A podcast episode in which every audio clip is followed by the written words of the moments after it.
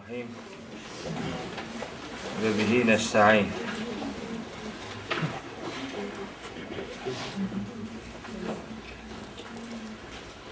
Bugünkü derste 29. ayetten itibaren okuyacağız inşallah. Geçen ders Hz. Musa'nın Firavun'un yanına giderken, gönderilirken Yüce Allah'a yönelik gerçekleştirdiği bazı istek cümlelerine dair ayetleri okumuştuk. Onlardan dört tanesini inceleyebilmiştik. Gerisi bugüne kalmıştı. Bu ayetler grubunda tebliğ yaparken nelere dikkat edilmesi lazım geldiği noktasında bilgilendirmeler yapılıyor diye ifade etmiştik. Dersi geçen haftaki ile buluşturarak daha anlaşılır kılabilmek için geçen haftaki cümleleri yeniden hatırlayalım. Sonra bugünkü cümleleri yakından tanımaya gayret edelim. Hz. Musa zor bir göreve yollandığını ifade edercesine Yüce Allah'a şu niyazı iletmişti. Demişti ki Ya Rabbi özellikle benim için yüreğimi ferahlat. İçimi rahat kıl.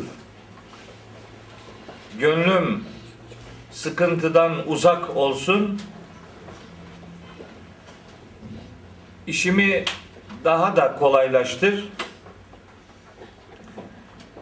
Dilimdeki bir sıkıntı nedeniyle oluşan düğümü çöz. Böylece hem ben psikolojik olarak rahat etmiş olayım hem de sözlerimi daha düzgün söylemiş olayım. Sonuçta da muhataplar benim sözümü anlayabilsinler. Konuşmaktan kasıt anlaşılmaktır. Tebliğden maksat derdinizi karşı tarafa doğru bir üslupla ulaştırabilmektir. Tebliğ budur. Siz mesajı uygun bir dille, münasip bir üslupla karşı tarafa ulaştırmanızdır. Tebliğ budur. O tebliğden kişi yararlanır ya da yararlanmaz. O onun bileceği iştir. Tebliğ ederken yapılacak iş önce bir psikolojik rahatlık içerisinde bulunmaktır. Geçen hafta kendi hayatımdan da bir örnek vererek size ifade etmiştim. İnsanın içinde bir sıkıntı olursa o sıkıntı onun düzgün konuşmasını engeller. Rahat konuşmasını engeller. Böylece ifadeyi meram yapamaz adam. Dili dolanır. Hz. Musa'nın da yaşadığı tam buydu. Neydi onun sıkıntısı? Asıl sıkıntısı neydi? He? Adam öldürmüş. Adam öldürmüştü Mısır'da. Şimdi adam öldürdüğü yere tebliğe gidecek. Eh, oradakiler de diyecekler ki yani sen bir defa kendine bak. Yani adam öldürmüş bir halinle gelip bize ne diyorsun? Bir. ikincisi bir de korkuyor. Anlaşılamamaktan korkuyor. Üçüncüsü de çok insani bir tutum olarak ister istemez öldürülmekten korkuyor. Öldürülmekten korkan bir adam neyi nasıl güzel söyleyecek? Söyleyemez. Onun için dilindeki yüreğinden kaynaklanan korkunun verdiği tesiri Cenab-ı Hakk'ın kaldırmasını istiyor. Vahlul ukdeten min lisani işte bu. dilimde bulunan korkudan dolayı dilimde bulunan o düğümü çöz demişti. Şimdi devam ediyor. Estağfirullah. Ve cealli veziren min ehli Harune ahi. İfade şu. Ya Rabbi bana ehlimden, ailemden bir yardımcı ver. Yani kardeşim Harun'u bana yardımcı ver. Dua bu.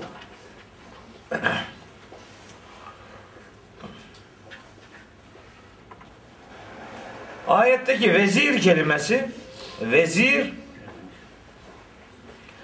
Kasas suresinin 34. ayetinde başka bir kelimeyle ifade edilir bu. Rid R D E rid kelimesiyle karşılanır. Rid yardımcı demek. Vezir de o kelimeyle aynı anlamı vermek durumundadır. Yardımcı anlamına geliyor. Vizir. Ama biz vezir kelimesini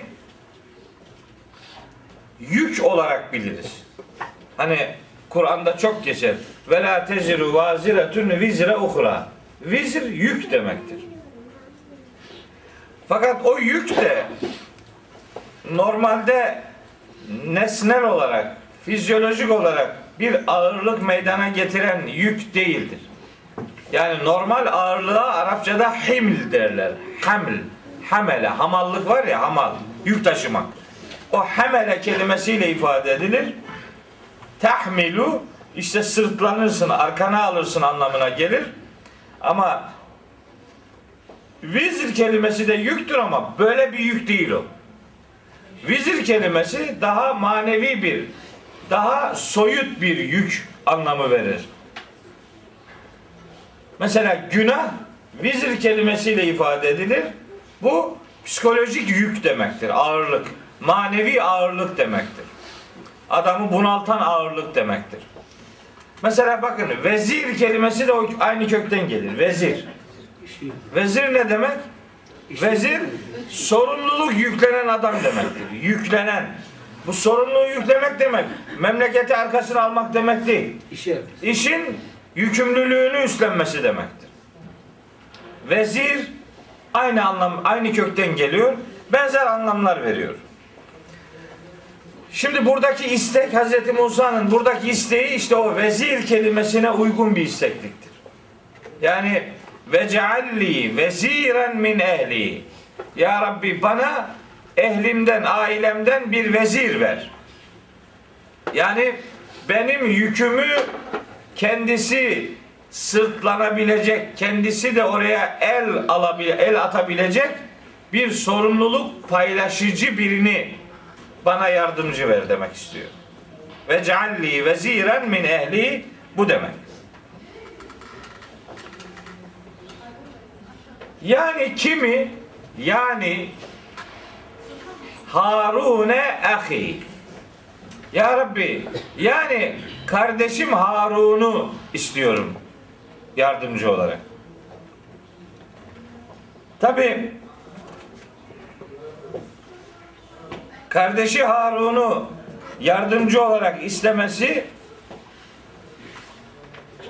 geçen ders kısmen ifade etmiştim. Bu derste detaya girmeyeyim ama gene bir iki ayet hatırlatayım. Çünkü daha iyi anlaşılmak için bu sorumluluk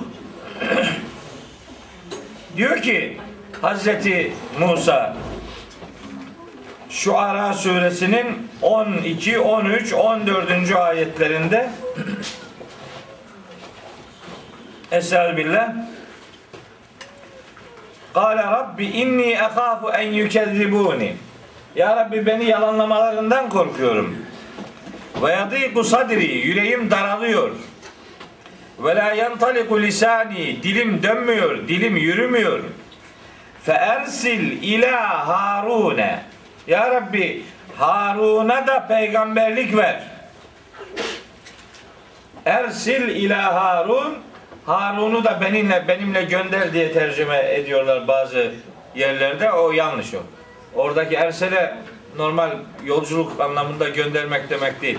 Ersil ila Harun. Ya Rabbi Harun'a da elçilik ver, peygamberlik ver. Çünkü o adamların lehinde benim aleyhimde bir günah var. Adam öldürdük. Onların beni öldürmelerinden korkuyorum diyordu. İsteği Hazreti Harun'a da risalet verilmesi ve bu görevi ikisi beraber üstlenmeleri. Böyle bir duası var Hazreti Musa'nın. O şu Ara suresinde öyle geçiyor.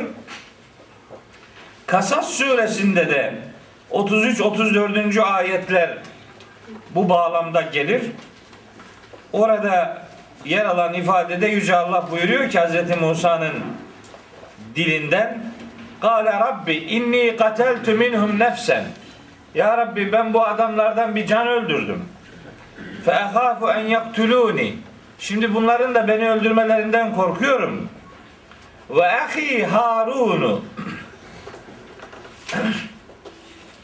Kardeşim Harun Kardeşim Harun huve efsahu minni lisanen. Kardeşim Harun'un dili daha açıktır. Buna niye daha açık manası veriyorum? Çünkü Taha suresinde ukdeten düğüm manasına gelen kelime vardı. Bu onun zıddıdır. Benim dilimde düğüm var. O benden daha iyidir deyince onun dili daha açıktır demektir. Niye daha açık? Hoş. Hz. Musa kekeme değil. Geçen hafta söylemiştim. Kitap mukaddeste böyle yazıyor. Hz. Musa'nın dilinde kekemelik falan yok. Tebliğde kekeme adam tebliğ, tebliğci olmaz. Burada mesele sadece psikolojik bir korkunun fizyolojik etkisinden ibarettir. Yani rahat konuşur. Harun'un böyle bir günahı, korkusu yok. Rahat rahat söyleyeceğini söyler. Böylece biz sorumluluğu iki kişi yüklenmiş oluruz. Fe ersilhu me'ye rid'en yusaddikuni. Ya Rabbi beni destekleyecek bir yardımcı olarak onu da gönder. Benimle gönder. Veya onu ona da benimle beraber peygamberlik ver. Ersil ila olunca ersele ila peygamberlik manası daha çok öne çıkar. Me'ye kelimesi de peygamber olarak benimle beraber onu da peygamber olarak görevlendir ve beraber gidelim diyor. Asıl gerekçesini de inni ehafu en yükezzibuni. Bu adamların beni yalanlamalarından korkuyorum diyor. Hazreti Musa. Şimdi bu ayetlerden sonuç çıkartacağız tabi. Bu sadece işin tarihi kısmını söylemeyle geçiştirmeyeceğiz. Bu mesele şimdi burada Hazreti Musa ve Hazreti Harun özelinde geliyor. Biz bu ayetleri bize indireceğiz şimdi. Bakalım bize ne diyor bu? Biz Musa Harun değiliz. Ama ayetleri biz okuyoruz. O zaman bundan bizim bir şey anlamamız lazım. Devam ediyor Hazreti Musa. Üştüd bihi ezri. Ya Rabbi Harun'la beraber benim sırtımı güçlendir. Üştüd şiddetli yap demek, kuvvetlendir demek. Harun'la beraber benim arkamı kuvvetlendir. Sırtımı kuvvetlendir, arkamı güçlendir demek yani. Elim güçlü olsun. Daha rahat, daha mukavemetli davranabileyim. Böylece ve eşrikhu fi emri. Harun'u bu işim konusunda bana ortak yap. Bütün derdi, bütün isteği Hazreti Harun'un da bu yükümlülüğü paylaşmasını sağlayacak bir duasının kabul edilmesidir. Evet. Dört tane ayet okuduk. Ve cealli veziren min ehli Harun ahi üştüd bihi ezri ve eşrikhu fi emri. İsteklerini geçen ders söylediğimiz dört ayete ilave bir dört ayet daha dile getirmiş oldu Hazreti Musa. Üştüd bihi ezri Muz Harun'la beraber arkamı kuvvetlendir duasını Cenab-ı Hak Kasas suresinde şöyle cevaplıyor. Kasas suresinin 35. ayetinde Kale buyuruyor ki Yüce Allah Seneşüddü adu deke bi ahike Tamam. Senin pazunu pazu yani bileğini kardeşinle destekleyeceğiz. Bu duanı kabul edeceğiz diyor Cenab-ı Hak. Tamam. Bu isteğin yerine getirilecek. Yani Harun seninle beraber bu yükümlülüğü paylaşacak. Bu duan kabul edilmiş olacaktır diyor Cenab-ı Hak.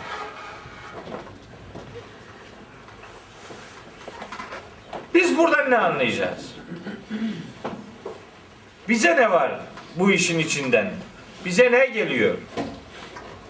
Şahsen bazı sonuçlar üretebildiğimi düşünüyorum. Bazı sonuçlar elde edilebileceğini düşünüyorum.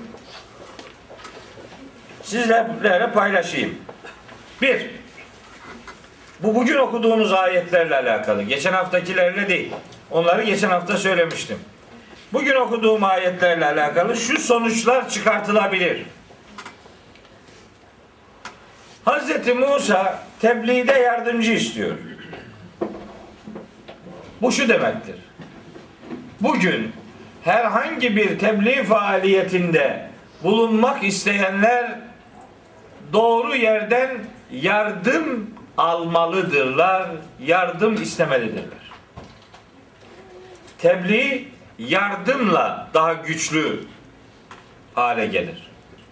Tebliğci yardım isteyebilir, hatta duruma göre yardım almalıdır tebliğci. Bir. İki. Öyle anlaşılıyor ki tebliğ bazen bir ekip işidir. Bir ekip halinde çalışmak lazım. Yani bir elin nesi var, iki elin sesi var. İşte e, atasözü kısmen bu demek benim dediğimi ifadeye yönelik bir e, söz. Ekip işi bu iş. Bazen böyle olur. Bazen bir kişi biriyle konuşunca etkili olabilir ama bazen böyle olmaz. Bazen birden çok insan, birden çok bir e, kemiyetle bir olayın üzerine gitmek zorunda kalabilir. Böyle bir zorunluluk hissedilebilir. Güç paylaşımı daha doğru, daha kestirme, daha başarılı sonuçların elde edilmesine vesile olur. Hz. Musa'nın Hz. Harun'u yanına yardımcı alması bugün için bize ekip halinde çalışmanın önemini kavratmayı amaçlamış olabilir. Biz mesela bazen işte Kur'an tefsiri çalışmaları yapıyoruz. İşte ben de yapıyorum. Bazı konular geliyor ki o ben tek başıma çıkamıyorum işin içinde. Bir şey sormak gerekiyor. Bir adam her şeyi bilmez. Psikolojiyle alakalı bir ayet geliyor. Psikologlardan destek almak lazım. Sosyolojiyle alakalı bir ayet geliyor. Sosyologlardan destek almak lazım. Jeolojiyle ilgili sıkıntı oluyor. Jeomorfologlardan destek almak lazım. Embriyolojiyle ilgili bilgi gerekiyor. Embriyologlardan almak lazım vesaire. Yani bir ekip olacak. Bu ekip her an hep yan yana olacak demek değil. Yani burada şu söylenmek isteniyor. Bir adam her şeye yetmez. Yardım alacaksın. Yardım alma kültürünü öğretiyor bu ayetler bize. Yardımla bazı efendim tümsekleri aşmak mümkündür, daha kolaydır. İkinci sonuç bu. Üç. Yardım alırken en yakınından yardım alacaksın. En yakınından. Niye? En çok ona güvenirsin onun için. Tanımadığın, bilmediğin, gücünü, özelliğini yakinen müşahede etmediğin insanlardan seni rahatlatacak bilgi alamazsın. Bak Hazreti Musa öyle diyor. Harune ehi. Tam kardeşim Harun. Kardeşim Harun'u da bana yardımcı yap. Bu yakınlık ifadesi tabii ki biyolojik yakınlık anlamına geliyor ama buradaki daha yakınlık aslında inanç yakınlığıdır. İnanç yakınlığı. Harun ahi inanç kardeşim Harun anlamına alınmalıdır. Ve cealli veziren min ehli ailemden bir yardımcı ver.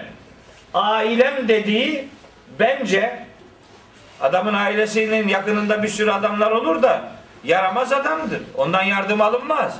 Sadece kan bağıyla yakınlık yetmez.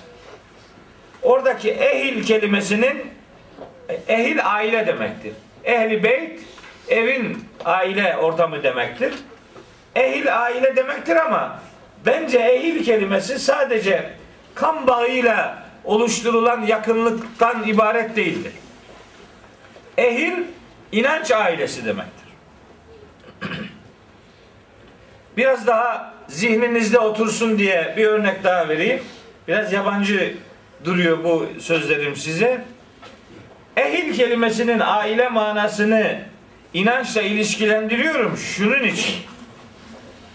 Hazreti Nuh oğluyla alakalı bir tecrübe yaşamıştı biliyorsunuz. Boğulmuştu oğlu. Hazreti Nuh diyordu ki ya Rabbi benim oğlum benim ehlimdendir. İnnebni min ehli. Benim oğlum ehlimdendir. Yani ailemdendir. Senin sözün gerçektir. Kurtaracaktın ailemi, kurtarmadın. Ne oldu? Boğuldu çocuk. Ona Cenab-ı Hak cevap veriyor. İnnehu leyse min ehli. O senin ehlinden değildi. Ne demek bu şimdi? Bunun şimdi bir anlam. Bak bu buradan ne çıkarıyorlar biliyor musunuz? Ehil kelimesine inanç manasını katmadıkları için ne diyorlar biliyor musunuz? Hazreti Nuh'un o oğlu kendisinden değildi. Hanımı başkasından peydahlamıştı. Ne saçma bir dünya ya. Ehil kelimesi inanç ailesi demektir. O senin inanç ailenden değildi demektir bu. Yoksa senin oğlun değildi demek değil bu. Onun oğlu olmasa ne olur yani? İnanıyorsa sorun yok. Ama burada mesele kan bağından öte bir inanç bağını ortaya koymaktadır. ben bunu bir yarım tekerlemeye dönüştürdüm kendi dilimde.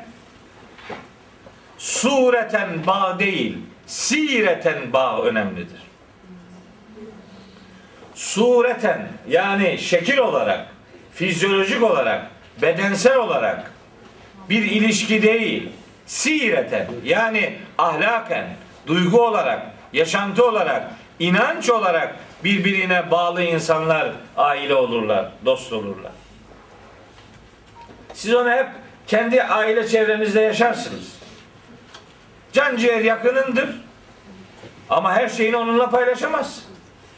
Niye? İnancınız aynı değil. Değerleriniz aynı değil. Aynı şeylere aynı oranda önem vermiyorsunuz. Çok da kardeşin olsun. Mühim değil. İşte bir yere kadar geliyor ve duruyor. Bir insanın bir başka insana en yakınlığı bağlamında en kestirme örnek ana baba ile çocuk örneğidir. En çok bunlar birbirine yakındır. Ana babalar çocuklarına en çok bunlar yakındır. Ama ana babaya yönelik iyi davranmada da Allahu Teala bir sınır koyuyor. Aslında hiç sınır olmaması gereken bir yakınlıktır. Bir adamın ana babasına yönelik iyiliğinin sınırı olmaması lazım. Ama var bir sınırı bunun. İşte şeyde Azap e, Lokman suresini işlerken tabi yıllar oldu orayı işleyeli. Orada anlatmıştık. Ve in cahedake ala en tüşrike bi. Eğer ana baban seni bana ortak koşman konusunda eğer zorlarlarsa bilgin olmayan lüzumsuz varlıkları bana ortak koşman için seni eğer zorlarlarsa fela tuti'huma bu konuda onlara itaat etme. Gördün mü? Ya ana baba çocuk ilişkisinden daha önemlisi inanç ilişkisidir. İnanç ilişkisi o tür kan bağının önüne geçen ağırlıkta bir değer taşır. Onun için ben bu Taha suresinin bugün okuduğumuz ve cealli veziren min ehli Harun ahi cümlesinden bize gelecek mesajlar neler olabilir sorusunu cevaplandırırken bunu düşündüm. Yakınınızdan yardım alacaksınız ama bu yakınınız sadece kan bağıyla yakınınız olmayla sınırlı olamaz. Çünkü kan bağıyla bağlı olduğunuz pek çok yakınınız aslında size yakın değil, çok uzaktır. Kan bağıyla hiç yakınınız olmayan bir adam sizin öz be öz kendiniz ve kardeşiniz mesabesinde olur. İnanç ailesinden yardım alacaksınız. Bunu böyle anlamak durumundayız. Çünkü bugün başka çıkar yolu yok bu işin. Yardım alacaksınız. Güvenmediğin bir adamdan yardım alamazsın. Tanımadığın bir adamdan yardım alamazsın. Aynı değerleri sahiplenmemiş insanlardan destek alamazsın. İşte bu ayet bize bir tebliğ faaliyetinde yakınlardan ama inanca dayalı değerlerin paylaşıldığı bir yakınlık oluşturulması ve o yakınlardan yardım alınmasının önemini ortaya koyuyor bizim için. Ben bir sonucu daha bu ayetlerden öğrendim, aldım. O da şu. Yardımcı alırken, seçerken işin gereğini üstlenebilecek özelliklere sahip adamı seçeceksin. Hepiniz inanıyor olabilirsiniz. Ama herkes bir konuda aynı tepkiyi vermeyebilir. İhtiyaca ihtiyacı karşılayacak bir özelliğe vurgu yapacaksınız. O özellikte yardım isteyeceksiniz. Mesela Hz. Musa diyelim ki Mısır'da adam öldürmüş başka bir adamı yardımcı seçemezdi. Niye? Çünkü oraya karşı bir suçu olmayan adam lazımdı. Bu bizim için, bizim hayatımızda da şöyle görülür. Siz bir işte yardımcı arayacaksanız o yardımın özellikleri her neyse ona uygun adam bulacaksınız. Sadece bizdendir demeyle olmaz bu. Şimdi öyle değil mi? Şimdi. Şimdi öyle değil mi? Bizim partiden olsun da istersek kütük olsun. Hocam, Bizim gruptan olsun da istersek kalas olsun. Bizden mi bu? Tamam. Öyle değil işte. Sizden diye bir şey yok. Bir iş neyi gerektiriyorsa hassasiyet olarak o özellikte insanlardan yardım alınmalıdır. Hz. Musa'nın Hz. Harun'u istemesinin esprisi budur.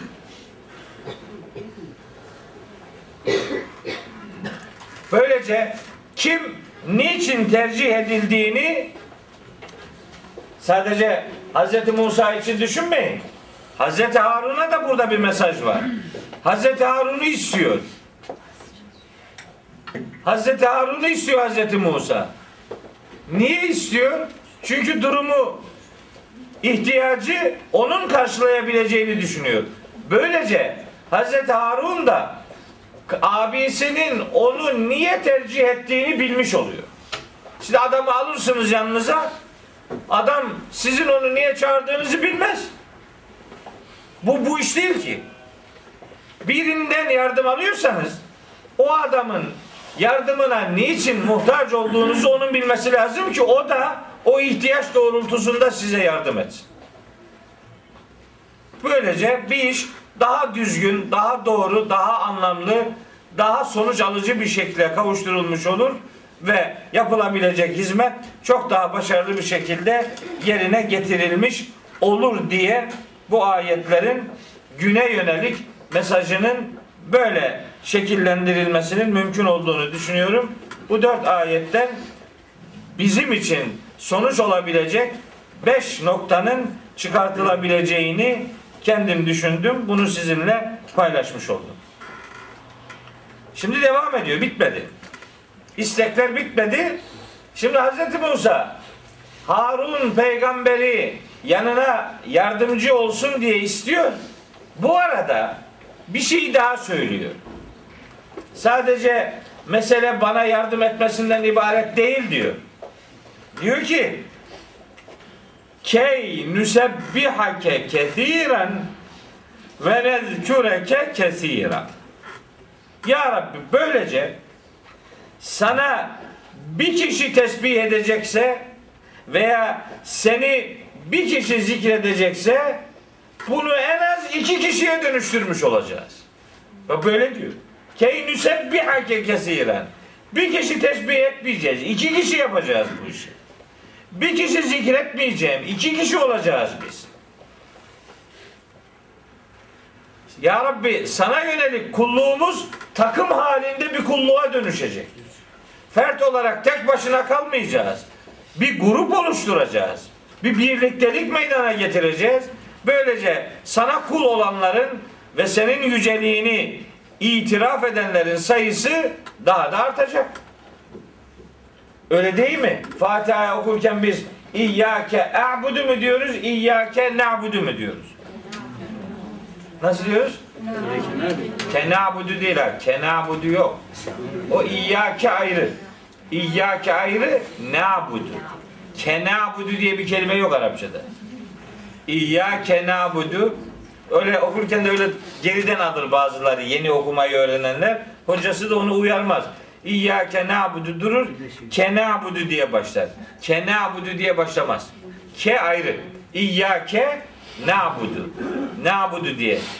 İyyâke a'budu olsaydı ya Rabbi sadece sana ibadet ederim olurdu. Ama öyle demiyor. Cenab-ı Hak öyle dememizi öğretiyor bize. Demememizi öğretiyor. İyyâke na'budu. Biz ya Rabbi sadece sana biz biz sadece sana ibadet edeceğiz. Biz demek diye bir derdi vardır İslam'ın. Biz hep beraber. Dua ederken de. Evet. Dua ederken önce ben diye başlıyoruz tabii. Rabbena gfir değil. Ya Rabbi önce benden. Ama sadece onunla bitmiyor. Veli valideyye. Ana babamı velil müminine bütün inananları. Sadece kendine dua etmiyor. Herkese dua ediyor ama ister istemez önce kendinden başlıyor.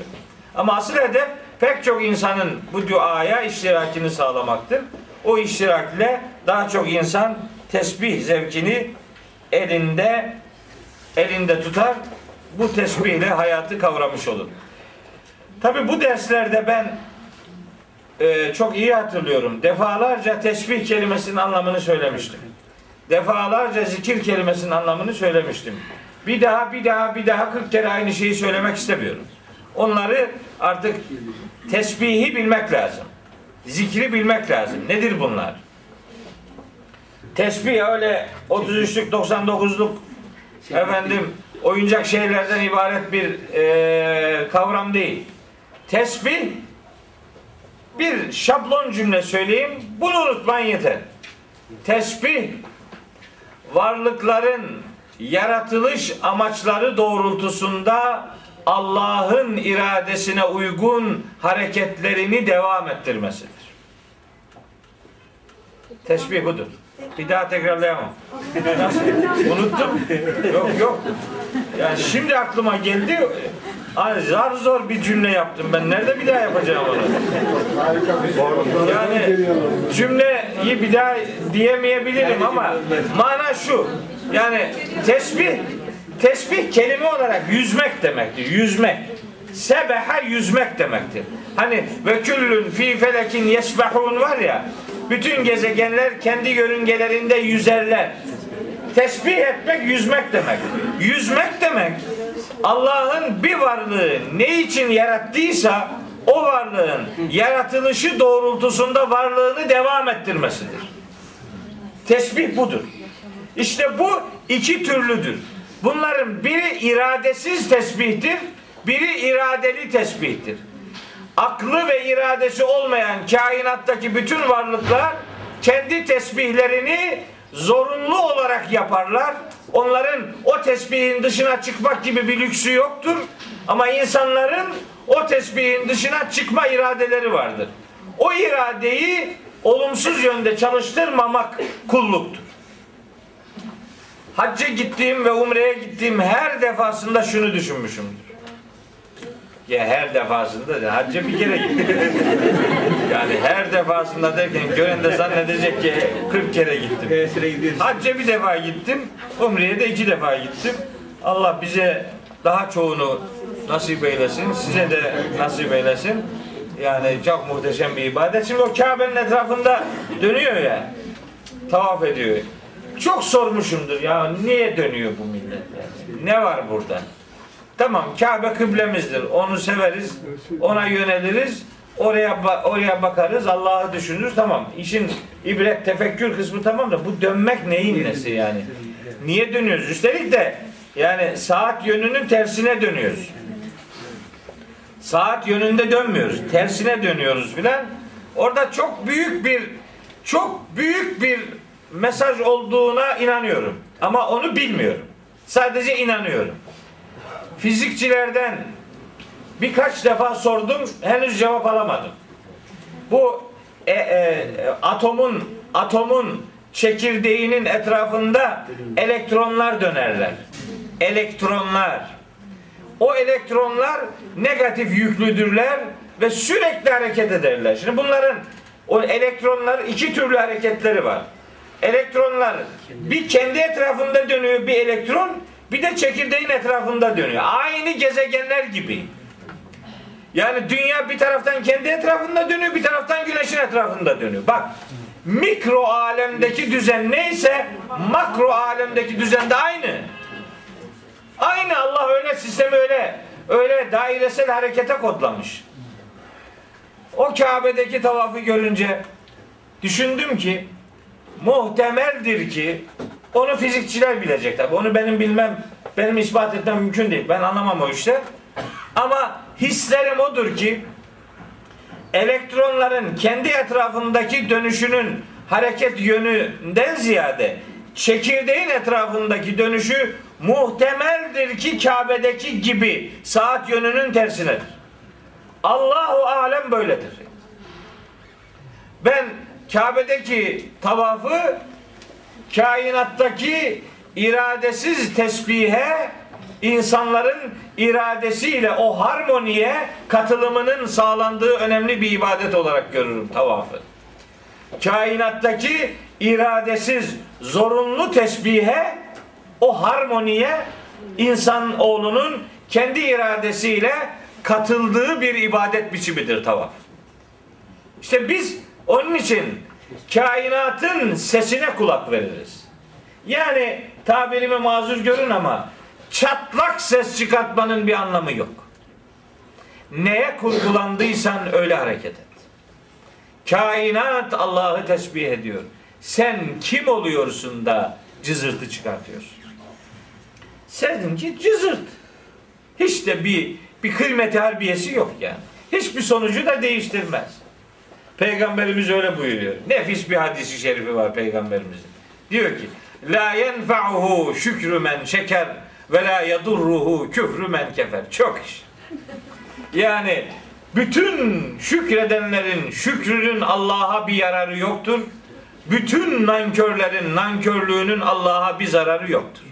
Sen kendin için şükredersin, kendi lehine şükredersin, kendi aleyhine nankörlük yaparsın. Bu sana döner. Allah'ın bundan etkilenecek herhangi bir tarafı yok. La yenfa'uhu şükrü men şeker ve la yadurruhu küfrü men kefer. Allah'ı şükredenlerin, Allah'a şükredenlerin şükürlerinin Allah'a bir yararı yoktur. Allah'a karşı nankörlük yapanların da Allah'a hiçbir zararı yoktur olamaz. Tesbih işte bu kainattaki harmoniye bizim de irademizle katılma eylemimizdir. Hz. Musa bunu dile getiriyor. Ya Rabbi Harun'u da yanıma yardımcı ver. Böylece bir bir ses bir el olarak değil iki el olarak ses çıkartırız. Tesbihimiz daha güçlü olur. zikrimiz daha güçlü olur. İnneke künde bina basira. Ya Rabbi sen zaten bizi görüyorsun. Böylece neler yapabileceğimizi sen elbette daha iyi biliyorsun. Bizim şimdi yaptığımız iş sadece bir duada bulunmaktan ibarettir. Bir isteği ortaya koymaktır. Bu ayetlerden de sonuç çıkartılır. Tabi her ayetten sonuç çıkartmak lazım. Sonuç çıkartılmayacak ayet yok. Sonuç çıkartmaktan kastım ne? Bize bize bana gelecekler. Ben ben ne yapacağım şimdi bu ayetle? Ancak ancak böyle istifade edilir. Bu ayetlerden şahsen ben şunu anlıyorum. Demek isteniyor ki zikir ve tesbih herkesin olduğundan öte peygamberlerin daha öncelikli bir görevidir. Herkes herkes zikir ve tesbihe muhataptır, mecburdur, yükümlülüğü vardır herkesin ama daha bir öncelik peygamberlerindir. Kendisi söylediğinin zirvesini tutturacak ki örnekliğinin bir faydası olsun. Sonucu doğru olsun. Kendisi doğru söylediğini kamil anlamda yapmıyorsa o sözün kime ne etkisi olabilir? Hiç kimse etkisi olmaz. Amener Resulü okuyoruz ya Amener Resulü. Nedir onun birinci cümlesi biliyor musunuz? Tam bu dediğimdir abi. Amener Resulü bima unzile ileyhi min rabbihi. Peygamber Rabbinden kendine indirilene önce kendisi iman etmiştir. Vel müminune sonra da müminler. Önce kendisi inanacak. Sonra başkaları. Kendisi inanmadan başkasını nasıl inandıracak? Kendisi tesbihin zirvesini tutturamadan başkası nasıl onu örnek alıp da tesbihin önemini, zikrin önemini kavrayacak? Evet, tesbih deyince demek ki çok kozmik bir alemden başlayan, gelen e, mikro aleme kadar uzanan varlıkların her birinin kodlandığı bir ibadet biçimidir. Bakın bak bu dediğimi size bir ayetle daha efendim pekiştireyim de hiç unutmayın bunu. Nur suresinin 41. ayeti. 41 kere maşallah bu ayete bak. Tam bu, bu şimdi söylediklerimi vahiy diliyle dillendiriyor bakın. 41. ayet Nur suresinin. Elem tere bilmez misin? Ennallâhe yusebbihu lehu men fis semavati vel ardı ve tayru saffatin. Göklerde ve yerde ne varsa ruhu olan, canı olan her ne varsa hepsi Allah'ı tesbih ediyor. Saf saf dizili kuşlar da Allah'ı tesbih ediyor. Küllün kad alime salatehu ve tesbihahu. Bütün varlıklar hem salatını yani kime yaslanacağını bilir hem de kimin yolunda yürüyeceğini bilir. Her varlık neye programlanmışsa o program doğrultusunda varlığını devam ettirir. Kainatta varlık kazanan her şey Allah'ı tesbih eder ama siz onları anlamazsınız diyor. Tüsebbihu lehu semavatu seb'u vel ardu ve men fihin ve in min şeyin illa yusebbihu bihamdihi velakin la tefkahune tesbihahu. Varlık kazanan hiçbir şey yoktur ki Allah'ı hamd ederek tesbih ediyor olmasın. Ama siz onları anlamazsınız. İsra suresi 44. ayet. Secde eder varlıklar. Secde. Gök gürültüsü secde eder. Tesbih eder. Gölgeler Allah'ı Allah'ı Allah'a secde ederler. Gölgeler uzayıp kısalması gölgenin tesbihidir diyor. Rahat suresi 15. ayette Cenab-ı Hak. Biz işte tesbih ve zikir noktasında önce öncelikle peygamberlerin birincil görevidir. Tesbih ve zikir ehli olmak.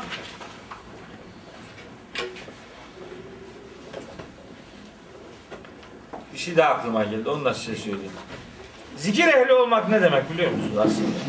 Tesbih bu. Tesbih hem iradesiz varlıkların işidir hem iradeli varlıkların işidir. Ama zikir sadece iradeli varlıkların ibadetidir. Zikir irade ile olur. Tesbih iradeli iradesiz bütün varlıkların ortak harmonisidir. Zikir çünkü zikir hatırlamaktır. Hatırlamak. Hatırlamak iradeyi gerektirir.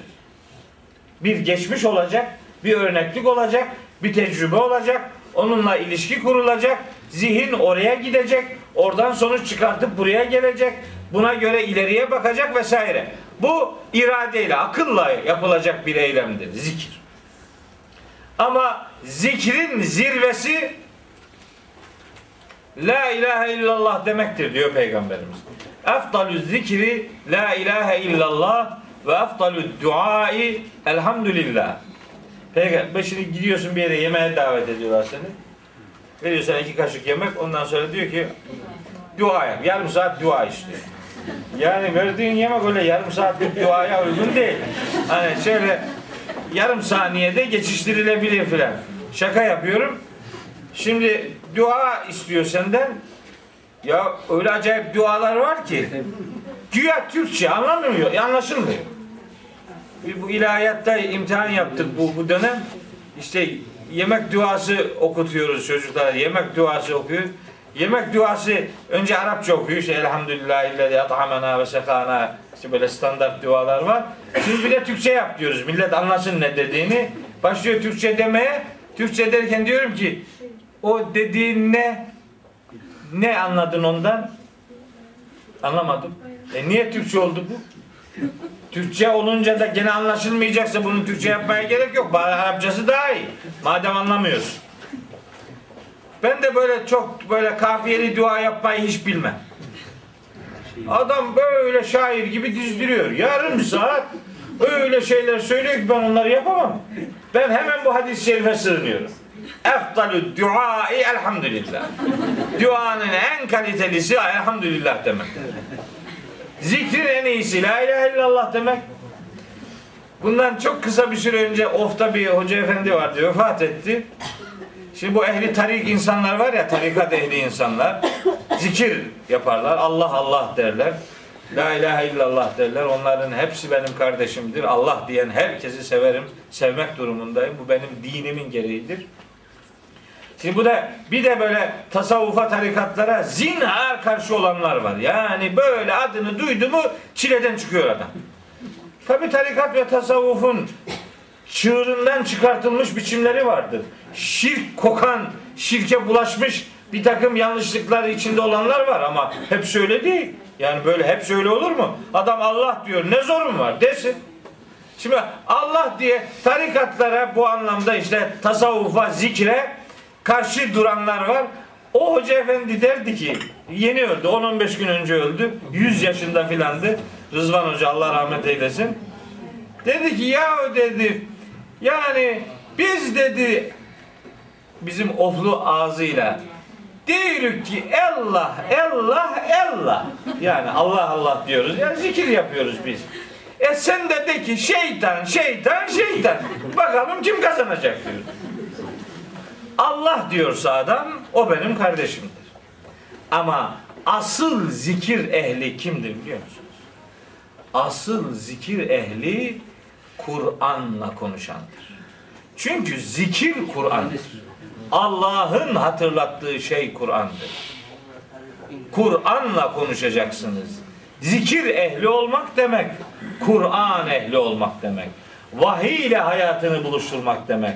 Vahyin bak dediği yerden bakmayı başarabilmek demektir. Ela bi zikrillahi tatmainnul kulub. Dikkat edin. Kalpler ancak Allah'ı zikretmekle huzur bulur. Allah'ın zikriyle huzur bulur ne demek biliyor musunuz? Şeyle bu surenin 14. ayetini okumuştum. Ekimis salate li zikri. Allah'ı zikretmekle kalpler huzur bulur. Bu mana doğrudur ama asıl daha doğru olan bu değil. Allah'ın sizi zikretmesi varsa o zaman kalbin huzur bulur. Allah senin zikrine cevap vermişse asıl huzur o zaman olur. Allah'a yönelen yüreklere Allah icabet eder ve o yürek huzur bulur. Bilinmelidir ki zikrin zirvesi Allah'ın kitabıyla şekillendirilmiş olandır. Evet. Hz. Musa Hz. Harun'la birlikteliğini bu ayetlerde gerekçelendiriyor. Diyor ki daha çok tesbih yaparız. Daha çok zikir yaparız. Böylece sen de bizim halimize zaten muttalisin. Buradan bir sonuç daha çıkartmak mümkün. Yani konuşurken bir şey isterken gerekçesini söyleyerek istemeyi öğretir bu ayet bize. Yani ya Rabbi Harun'u da peygamber yap. Onu da benimle görevlendir. Görevimin bir parçasını o da üstlensin ki böylece daha çok tesbih yapalım, daha çok zikir yapalım. Bu gerekçeli konuşmayı bir istekte bulunurken o isteği niye arzu ettiğini bildirerek gerçekleştirmeyi öğretir.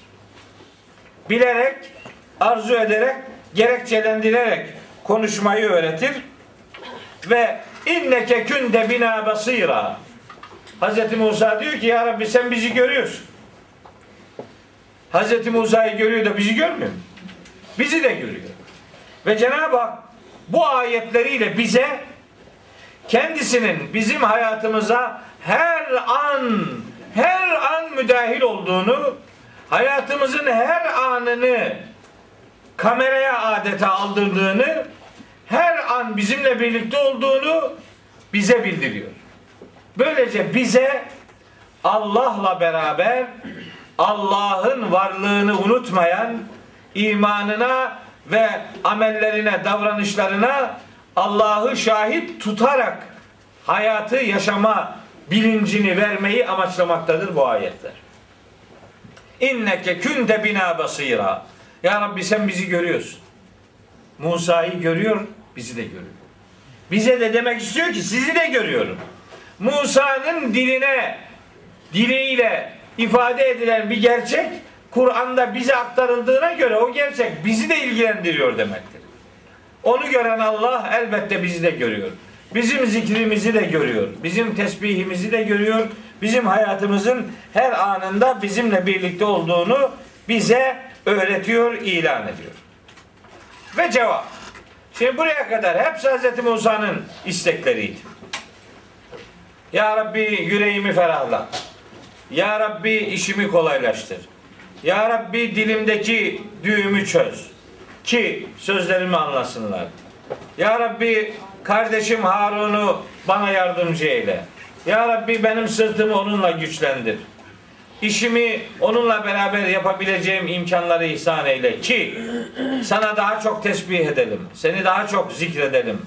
Sen hayatımızın her anına hakimsin. Bu bilinçle hayatımızı devam ettireceğiz. Harun'u benim yardımcım eyle diye dua ediyor. Sonra işte duanın cevabı. Hangi ayet? 36. ayet. Kale buyurdu ki Cenab-ı Hak bu isteğe karşılık. Kad utite su'leke ya Musa. Kısa bir cevap. Ey Musa, isteğin sana verilmiştir. Bitti. Yani duan kabul edildi. Duanı kabul ettik. Kabul ettim. Hiçbir şey demeden şunu söyleyeceğim. Siz kimden ne isteyeceğinizi bilir ve onu yüreğinizden isterseniz Allah sizin isteğinizi kabule hazırdır. Sadece Hz. Musa için değil, bizim için de böyle bu. Kad utite su'leke ya Musa. Ey Musa, ne istiyor idiysen verildi, tamam. Aldın. Öf. Ne muhteşem bir cevap. Ben tabi bu bu ayeti güya geçen hafta okuyacaktım. Güya buralara kadar gelecektim. Bu hafta bile e, sıkıntıya girdi. Ama ben Allah'ın isteklere karşılık vermesi bağlamında Kur'an'ı harmanlamıştım geçen hafta. Neler oluyor? Allahu Teala hangi istekleri, kimi isteklerini, hangi doğrultudaki istekleri kabul ediyor ve bunu bize bildiriyor? Bir bakayım dedim Kur'an-ı Kerim'de neler var. Dokuz tane başlık açtım. Dokuz başlık peygamberler tarihiyle ilişkilendirerek açtığım dokuz başlık bu dokuzun dokuzuncusu ümmete yönelik olanları. Neler söylüyor acaba Kur'an-ı Kerim'de Cenab-ı Hak? Hangi istekler kabul ediliyor ya da kabul ettiğini söylediği istekleri acaba nelerdir? Bak.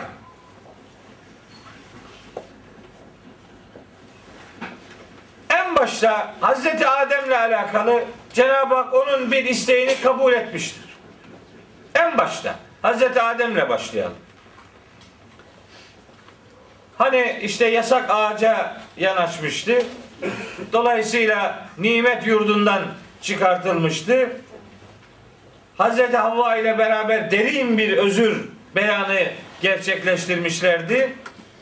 Bu hem Bakara suresinde anlatılıyor hem Araf suresinde anlatılıyor. Kala Rabbena zalemna enfusena ve illem tağfir lena ve terhamna lenekunenne minel hasirin. Dediler ki ey Rabbimiz kendimize yazık ettik. Eğer sen bizi bağışlamaz, bize merhamet etmezsen biz de ziyana uğrayanlardan olacağız diye bağışlanma talebinde bulunmuşlardı. Cenab-ı Hak Bakara suresinin 37. ayetinde bu talebi karşıladı. Aynı cevap Taha suresinin 122. ayetinde de bu surede önümüze gelecek. Fetelakka Ademu min rabbihi kelimatin. Adem Rabbinden çeşitli bilgiler aldı. Fetabe aleyhi ve Allah onun tevbesini kabul etti. Tabe ala tevbeyi kabul etmek demektir. Tabe ila birine tevbe etmek demektir. Tabe ala tevbeyi kabul etmek demektir. Edatların fiile kattığı anlamlar vardır. Tabe tevbe etmek demek. İla edatıyla kullanılırsa birine doğru yönelmek, ala edatıyla kullanılırsa bu yönelişi kabul etmek demektir. Fetabe aleyhi tevbesini kabul etti demektir. Allahu Teala ilk peygamberinin tevbesini kabul ettiğini ifade ediyor. Benzer bir ayet te, e, Taha 122'de var. Mesela Hz. Adem'le alakalı tabi sadece oraya girip de öyle saatlerce konuşmak istemiyorum. Böyle birer cümleyle geçiyorum. İki, Hz. Nuh'u baktım. Hz. Nuh'la alakalı ne tür diyaloglar yaşandı? Mesela Kamer suresinde Hz. Nuh bir peygamber olarak ve tek sadece onun ağzından dile getirilmiş bir cümle 10. ayeti Kamer suresinin 54. suredir bu sure. Orada diyor ki Hazreti Nuh Feda'a rabbehu Nuh Rabbine yalvardı, dua etti. Dedi ki enni mağlubun Ya Rabbi ben mağlup oldum. Fentasir yardım et. Bu bir dua. Cevap. Fefetahna ebbâbes semai. Bunun karşılığında biz göğün bütün kapılarını açtık. İşte o muhatapları perperişan ettik. Bakın yürekten gelen bir dua hemen icabet bulur. Hazreti Nuh'un hayatındaki bu örnek mesela bize bu noktada bir e, fikir vermektedir. Benzer bir e, Enbiya suresinin 76. ayetinde de var bu Hazreti Nuh'la alakalı ifade. Sadece ayeti hatırlatayım. Ve Nuhan iznada min qablu. Nuh daha önce Rabbine seslenmiş idi. Bunun üzerine festecebna lehu. Biz ona icabet ettik. Yani isteğini kabul ettik. Fenecceynahu ve ehlehu minel kerbil azimi. Onu da inanç ailesini de o büyük sıkıntıdan kurtardık. İstecabe kurtarmak, icabet etmek demektir. Cevap vermek yani. İstekte bulunana karşılık cevap vermek. Hazreti Nuh'un isteğine cevap verilmiş. Devam ediyoruz. Hazreti Eyüp Hazreti Eyyub'un isteğine cevap verilmiş. Gene o da Enbiya suresi 83-84'te geçiyor. Orada ve Eyyube iznada rabbehu enni messeniyed durru ve ente erhamur rahimin. Rabbine seslenmişti Eyüp demişti ki Ya Rabbi bana sıkıntılar geliyor. Sen merhametlilerin en merhametlisin dedi. Festecebna lehu. Biz onun sıkıntısını gidermek üzere ona cevap verdik. Fekeşefna ma bihi min durrin. Ve ona ulaşan sıkıntıları ondan açtık kaldırdık ve devam ediyor ayet. Hazreti Eyyub'a da cevap verildi. Duası kabul edildi. Hazreti İbrahim ve İsmail'in duasının kabul edildiğine dair bir sürü ayet var Kur'an-ı Kerim'de. Onları sıra sıra söylemeyeyim. Sadece numaralarını söyleyeyim. Bakara 128, 124, 129. ayet bunun tipik bir örneğidir. Hazreti İbrahim'in kendisine kendisinin efendim şu Ara suresindeki duaları kabul edilmiş. Zuhruf suresindeki duaları kabul edilmiş vesaire. O detaya girmiyorum. Hazreti İbrahim'in ve Hazreti İsmail'in duaları kabul edilmiş. Hazreti Yunus'un duası kabul edilmiş. Hazreti Yunus'un gene şeyde e, Enbiya suresinde ve zennuni izzehebe muğadiben 87-88. ayetler. Hani balığın karnındayken dua etmişti Hazreti Yunus. Cenab-ı Hak onun duasını kabul etmiş ve onu o sıkıntılı durumdan kurtarmıştı. Hazreti Yunus. Ayetleri detaylı bir şekilde okumuyorum. Hazreti Yusuf'un duası kabul edilmişti. Ne demişti? Kâle rabbi sicnu ahabbu ileyye mimma yed'ûneni ileyh. Ve illa tasrif anni keydehunne asbu ileyhinne ve eküm minel cahilin.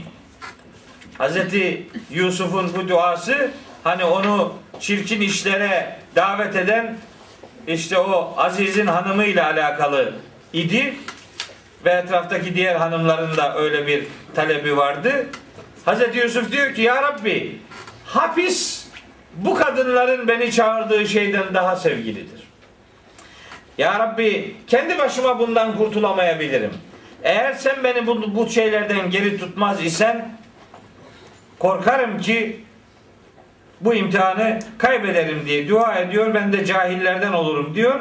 Festecebna festecabe lehu rabbuhu. Rabbi onun duasını kabul etti. Fesarafe anhu keydehunne. Böylece onların hilelerinden Yusuf'u kurtardı. Bakın yani birebir istek birebir cevap. Yusuf suresinin işte 33-34. ayetleri. Hepsini söylemiyoruz. Yunus suresi, Yunus'la ilgili olanı da söylemedik. 87-88 Hazreti Yusuf'un duası işte 33-34 Hazreti Eyyub'un duası gene Enbiya 83-84 böyle geliyor. Hazreti Zekeriya'nın duaları var. O bir sürü. Hazreti Hazreti Zekeriya'nın o Enbiya suresinde de var. Ali İmran suresinde var. Asıl Ali İmran suresi. Hatta Meryem suresinde var. Okumuştuk ya Meryem suresini. Ya Rabbi saçım başım gitti. Benim bir daha ço- çocuk mocuk olmayacak. Bu geriden gelenler pek sarmıyor bana. Bana bir tane veli, dost ikram eyle diye dua ediyor. Cenab-ı Hak o duayı kabul ediyor. Hazreti Zekeriya'nın kabul edilen duaları işte numaralarını söyleyeyim size. Meryem 3 ila 7. ayetler Ali İmran 38 39. ayetler Enbiya 89 90. ayetler Hazreti Zekeriya'nın duası ve duaların kabulüyle alakalı ayetlerdir. Hazreti Zekeriya.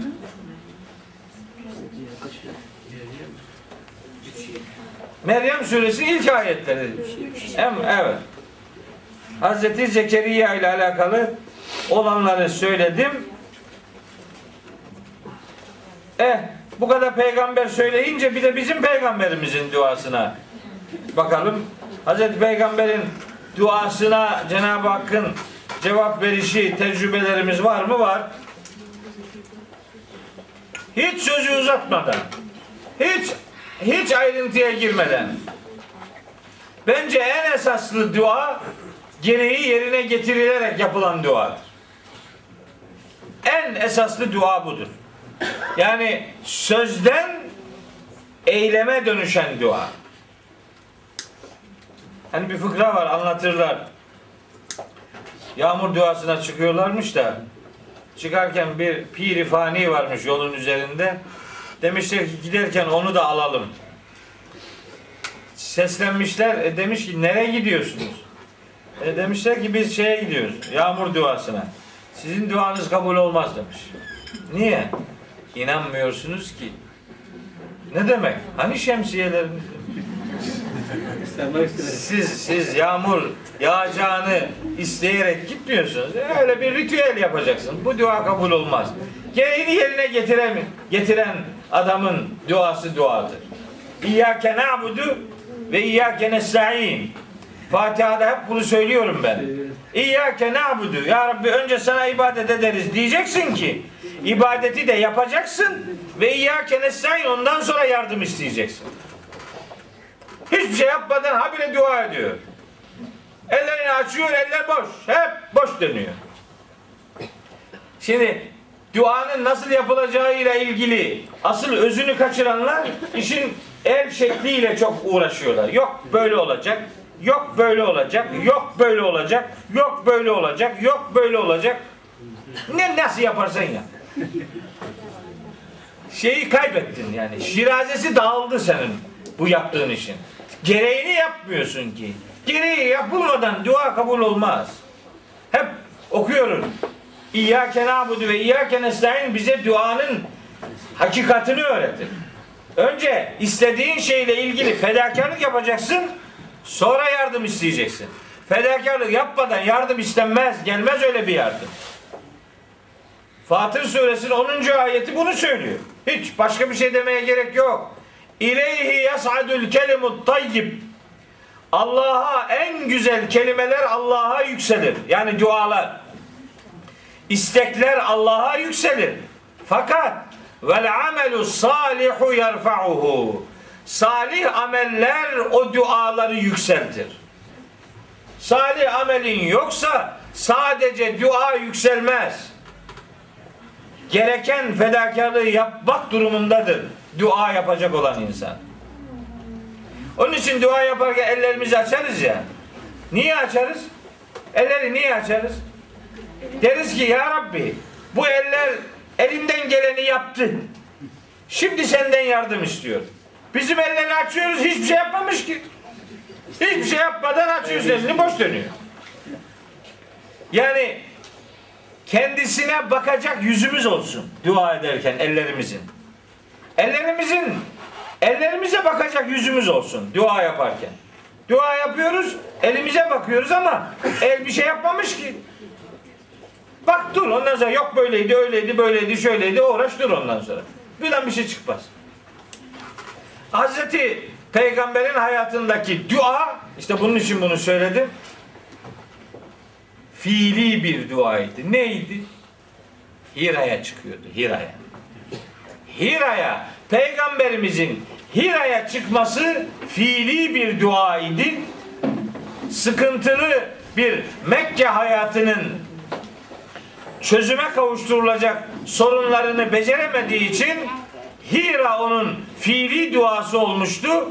Peygamberlikle buluşturulması da onun duasına icabet edilmişliğini göstermiştir. Onun Hira yolculukları bir piknik havası içerisinde elbette değildi. Ayrıca Tevbe suresinin 117. ayetinde de Allah'ın peygamberimizin bazı dualarını birebir cevaplandırdığına dair ifade var. Uzun bir ayet. O ayete girmiyorum. Bu 8 başlık buraya kadar söylediklerim. Bir de bir dokuzuncu başlık var. Asıl bize lazım olan şimdi bu. Biz ne yapacağız? Hz. Musa'nın isteğine Cenab-ı Hak karşılık verdi. Diğer sekiz peygambere karşılıklar verildi. Başkalarına da verildi. Ya bize bize karşılık verilmesi için ne yapmak durumundayız? Bir, yüreğimizden dua yapmalıyız. İki, duamız herhangi bir fedakarlığı gerektiriyorsa o fedakarlığı öncelikle ve özellikle yapmalıyız ve duamızın kabul edileceğine inanmalıyız. Yüreğimizi sağlam tutmalıyız. Gereken fedakarlığı, çalışmayı yapmalıyız ve duamızın kabul edileceğine yürekten inanmalıyız. İşte işte bazı ayetler. Hepimize yönelik ayetler. Bakara suresi 186. ayet. Buyuruyor ki Yüce Allah. Estağfirullah. Ve izâ se'eleke ibâdî anni. Kullarım sana benden sorduklarında fe inni karibun. Ben çok yakınım. Çok yakın. Ne kadar yakın?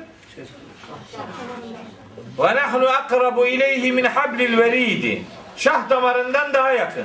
Kaf suresinde geçiyor o ayette.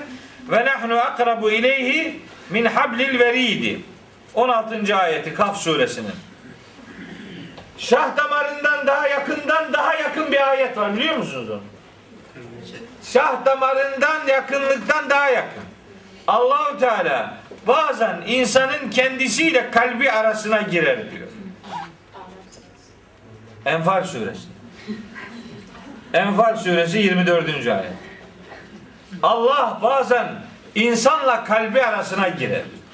Öyle olur ki adam artık kendinde olmayı başaramaz. Allah böyle adamın kendisini kendisine unutturur. Ve la tekunu kellezine nesullâhe fe enfusehum.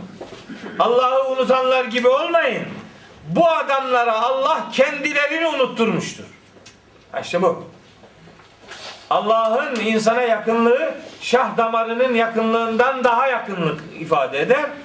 Böyle olumsuz anlamda bakıldığı zaman bu tür insanlarla Allah ilişkisini ortaya koyarken onlarla kalbi arasına girer, onu kendisi olmaktan çıkartır.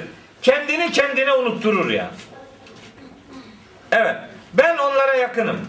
Ucibu da'vete da'i izâ da'ani. O halde biri benden bir şey istediği zaman ben ona karşılık veririm. Daha ne? Ucibu. Cevap veririm. Karşılık veririm. Davet da'i. İsteyenin isteğine karşılık veririm. Ne zaman? İzâ da'ani. Benden istediği zaman. Biz Allah'tan istemiyoruz. Başkalarından istiyoruz. Başkalarını araya sokarak istiyoruz. Ya Allah diyor ki benden isteyin benden. Ben vereceğim. Yetmiyor sana bu söz? Allah Allah. Araya koyacağın adam da ondan isteyecek ya. Sen iste, daha düzgün iste. Ne istediğini bilerek iste, yüreğinden iste. Sipariş etme. Kendin iste.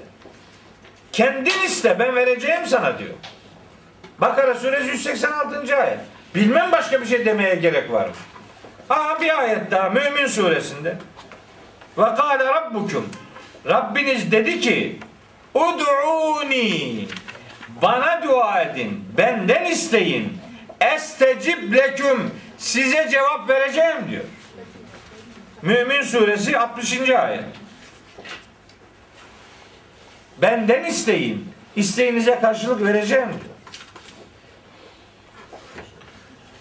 Mesela bakın Ali İmran suresinin hepimize yönelik bir müjdeli ifadesi 195. ayet. Ali İmran surelerin Kur'an'daki sıra numaralarını söylemem gerekiyor. Onun farkındayım ama bunu özellikle benim söylememi isteyen ablamız birkaç haftadır derse gelemiyor. Rahatsız olduğu için. Dolayısıyla onu görmeyince de ayet surelerin sıra numarasını söylemiyorum. Halbuki pek çok insana daha katkısı olur. Böyle bir şartlanmışlık oluyor insanda. Neyse Ali İmran 3. suredir yani o kolay. Bunun 195. ayeti Festecabe lehum rabbuhum Rableri onlara icabet etti. Onların dualarını kabul etti. Kim bunlar? Sağduyu sahibi müminler. Ne duaları vardı? 191, 192, 193, 194. ayetteki dualar. Ali İmran suresi bu dört tane ayeti her Müslümanın bilmesi lazım. 191, 192, 193, 194. Çeşitli dualar var. O duaları kabul etti Allah. Yüreğinden gelerek yapılan bu duaları. Ve ve şunu ilan ediyor Allah. Enni la udi'u amele amilin minkum min zekerin ev. Erkek olsun kadın olsun. İçinizden kim düzgün işler yaparsa ben onların hiçbirini asla zayi etmeyeceğim. İşte söz. Herkese yönelik söz. Peygamberlere verilen cevaplardan öte bu son ümmete yönelik Cenab-ı Hakk'ın açık ilanıdır. İçinizden kim olursa olsun, erkek olsun, kadın olsun, iyi işler yaparsanız hiçbir iyiliğinizi asla zayi etmeyeceğim diyor. Enni la udi'u amele amilin minkum. Ali İmran 195. ayet idi bu okuduğum ayet. Ha, peygamberimizin yaşadığı dönemde böyle yardım örnekleri yok mu? Var. Bedir'de yardım etmişti. Değil mi? 3000 melek, 5000 melekle işte Enfal suresinin 9. ayeti, Ali İmran suresinin işte e, kaçıncı ayetleri ve lekad nasarakumullahu bi bedrin Allah size Bedir'de yardım etmişti. 123. 124. ayetlerinde bu yardım işi var. Tevbe suresi 104. ayette bu yardım işi var.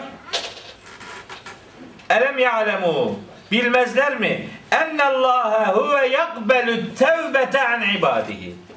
Allah kullarından ona yönelenlerin tevbesini kabul edecektir. Bitti. 104. Tevbe suresi. Yani bu bize yönelik.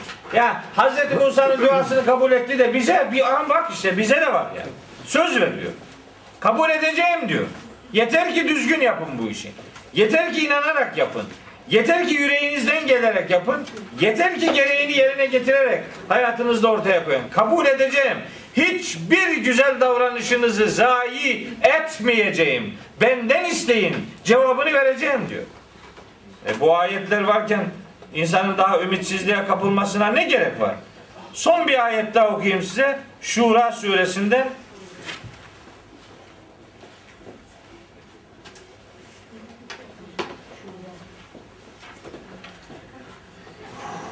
Ve huvellezî 25 26. ayetleri Şura, şu ara değil 42. sure yani. Ve huvellezî yakbelü tevbete an ibadihi. Allah kullarının tevbesini kabul edecektir. Ve yafu anis seyyiati. Yaptıkları bazı ufak tefek hata- hataları görmeyecektir. Geçecektir onları, affedecektir yani. Ve ya'lemu ma tef'alun. Neticede her yaptığınızı bilmesine rağmen bazı küçük davranışlarınızı silecektir, affedecektir. Ve yestecibüllezine amenu ve amilus salihat. İman eden ve salih amel işleyenlere yüce Allah karşılık verecektir. Yani onların davranışlarını karşılıksız bırakmayacaktır. Onların tevbelerini kabul edecektir. Davranışlarına icabet edecek ve yeziduhum min fadli onları her türlü ihsanından, ikramından nasipkar kılacaktır diyor Yüce Allah. Surenin Şura suresi 25 ve 26. ayetler. Şura, şura. Hocam küçük ifadesi kullanıldığına göre demek ki büyük günahların durumu ne? Ee, o başka. Ee, o, o da sıkıntı var abla. Nisa suresinin 31. ayeti var bu konuda. İntecteni bu kebaire ma tunhevne anhu. Siz size yasaklanan davranışların büyüklerinden kaçınırsanız nükeffir anküm seyyiatikum. Biz de küçüklerini örteceğiz. Büyüklerinden kaçınmak kulluğun görevidir. Büyükler de şefaatçilere. Büyük büyükler insanların Allahu Teala'nın Allahu Teala'nın affediciliğinden hiç ümidi kesmesin. Size çok uç bir örnek vereyim. Hiç ümitsizliğe yer yok. Ben onun için rahatım bazen. Ya, ya yani bir genel af filan çıkartacak Cenab-ı Hak. Yani öyle inanıyorum. Yoksa bu, bu, bu, bu taraf bu bizim 24 saate bakıyorsun kurtarmıyor yani. Yüzde elliyi, yüzde 49, yüzde 50, yüzde 51'e dönüştürmek çok zor. Hayatımız öyle. Ama bakın e, bu anlatacağım şey hoş benim kendi cümlem değil. Gene bu ayet. Böyle kopya ayetler var. Kurtarmadı ki hocam. He? Bu kurtarmadı ki zaten. Nisa 30. Nisa 31 yani diyor ki kaçacaksın büyük günahlardan. E, kaçmaya gayret edeceğiz. Elimizden geleni yapacağız elbette. Fakat bakın büyük günahların en büyüklerinden bir tanesiyle alakalı bir şey size söyleyeyim. En büyük günah nedir? Teslis. Teslis. Üçleme. Hristiyanların işte üçlü ilah tanrı anlayışları yani. O Hristiyanlarda üçlü, bizde kaçlı biliyor musun? Oo, oo, bizde sayısı belli değil. Öyle tanrıcıklar var ki bizim hayatımızda. Sorma gitsin. Fakat bakın, mahşerde Allahu Teala Hazreti İsa'yı sorgulayacak. Peygamberler de sorgulanacak mahşerde. Biliyorsunuz değil mi? Felenes elennellezine ursile ileyhim ve lenes elennel murselin. Ne demek? Araf suresinin ayeti. Biz kendilerine peygamber gönderilenleri de hesaba çekeceğiz. Peygamber olarak görevlendirilenleri de hesaba çekeceğiz. Herkes hesaba çekilecek. Dahasını size söyleyeyim. Meleklere bile hesap soracak Allahu Teala. Meleklere, meleklere. Sebe suresini bir okuyun bak orada neler var. Sebe suresinde var. Araf suresinin kaçıncı? Altıncı ayetiydi. Herkese hesaba çekilecek. Ama peygamberlerin ve meleklerin hesaba çekilmesi muhasebe amaçlı değildir. O ümmetlerin bahanelerini geçersiz hale getirmek içindir. Hazreti İsa'ya Cenab-ı Hak diyor ki, buyuruyor ki Estağfirullah. İz Allahu ya İsa. Ya İsa ibn Meryem. Ey Meryem oğlu İsa demişti Allah. Sen insanlara şöyle mi dedin? Beni ve anamı iki ilah edinin Allah'ın peşi sıra. Beni ve anamı iki ilah edinin. İttehizûni ve ümmiye ilaheyni min dunillahi. Allah'ın peşi sıra beni de anamı da iki ilah edinin. Böyle mi dedin? Kale dedi ki Hazreti İsa Sübhaneke e seni eksikliklerden tenzih ederim ya Rabbi. Ma yekûnü li en ekûle ma leyse li bihakkı. Benim için ben- benim hakkım olmayan, benim için doğru olmayan bir şeyi ben nasıl derim? Ben ilah değilim ki. Zaten in kuntu kultuhu fakat alimte. Ben böyle bir şey deseydim sen bunu bilirdin zaten. Ta'lemu ma fi nefsi ve la a'lemu ma fi nefsi. Sen bende olanları bilirsin, ben sende olanları bilmem. Ben ne bileyim? İnneke ente allamul guyub. Sen gayipleri en iyi bilen yegane varlık sensin. Ma kultu lehum illa ma emerteni bi. Ben onlara sadece senin bana emrettiğin şunu söyledim. En yabudullaha rabbi ve rabbeküm. Benim de sizin de Rabbiniz olan Allah'a ibadet edin dedim. Ben böyle dedim.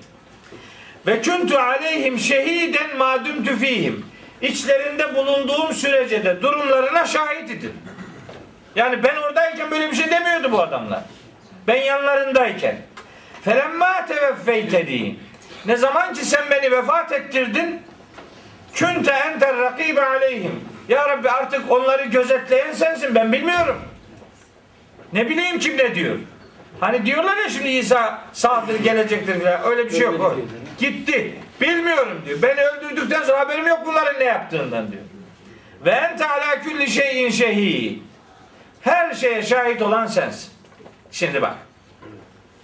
118. ayet. Maide.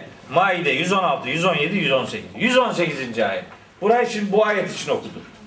Bakın Hazreti İsa teslis içinde olan insanlar için Allah'a ne diyor? Bak. 118. ayet.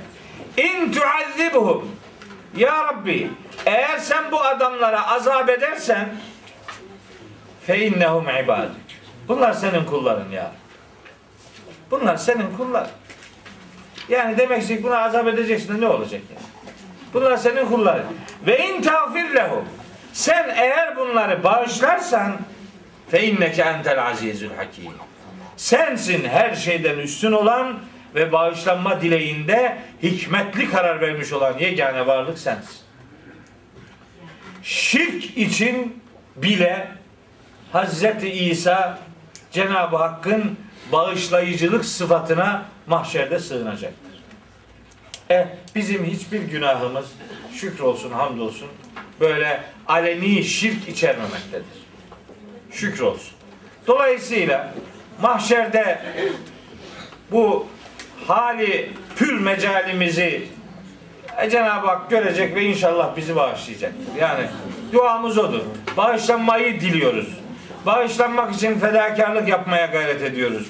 Elimizden gelen her şeyi ortaya koymaya gayret ediyoruz. Elbette kabahatler olacak ama benim babamın çok nefis bir sözü var. Bunu babamdan yeni öğrendim. Babam böyle ta- biz atışırız zaman zaman babamla. Çünkü babam benim hocam aynı zamanda. Dedi bana ki bak oğlum dedi. Bir insanın günahı ne kadar büyük olursa olsun. Hiçbir büyük günah Allah'ın bağışlama sıfatından daha büyük olamaz dedi. Allah'ın bağışlayıcılığını hiçbir eylem gölgede bırakamaz dedi. Yeter ki ondan isteyecek yüzümüz olsun. O yüzle ruzi mahşere çıkabilirsek Cenab-ı Hakk'ın bizi Erhamur Rahimin olan Rahman ve Rahim olan Allah'ın bizi de merhametinin içine katacağını bütün yüreğimizle e, bekliyor ve buna inanıyoruz. Allahu Teala imtihanını başarıyla verenlerden mahşerde yüzü olanlardan eylesin. Aslında 38. ayeti de e, şey yapacaktım. Yani hesabım onu da okumakta ama o 37 ile devam eden bölümü birlikte okuyabiliriz. Buna mani bir durum yok. E, haftaya inşallah buluşalım. Hepiniz Allah'a emanet olun.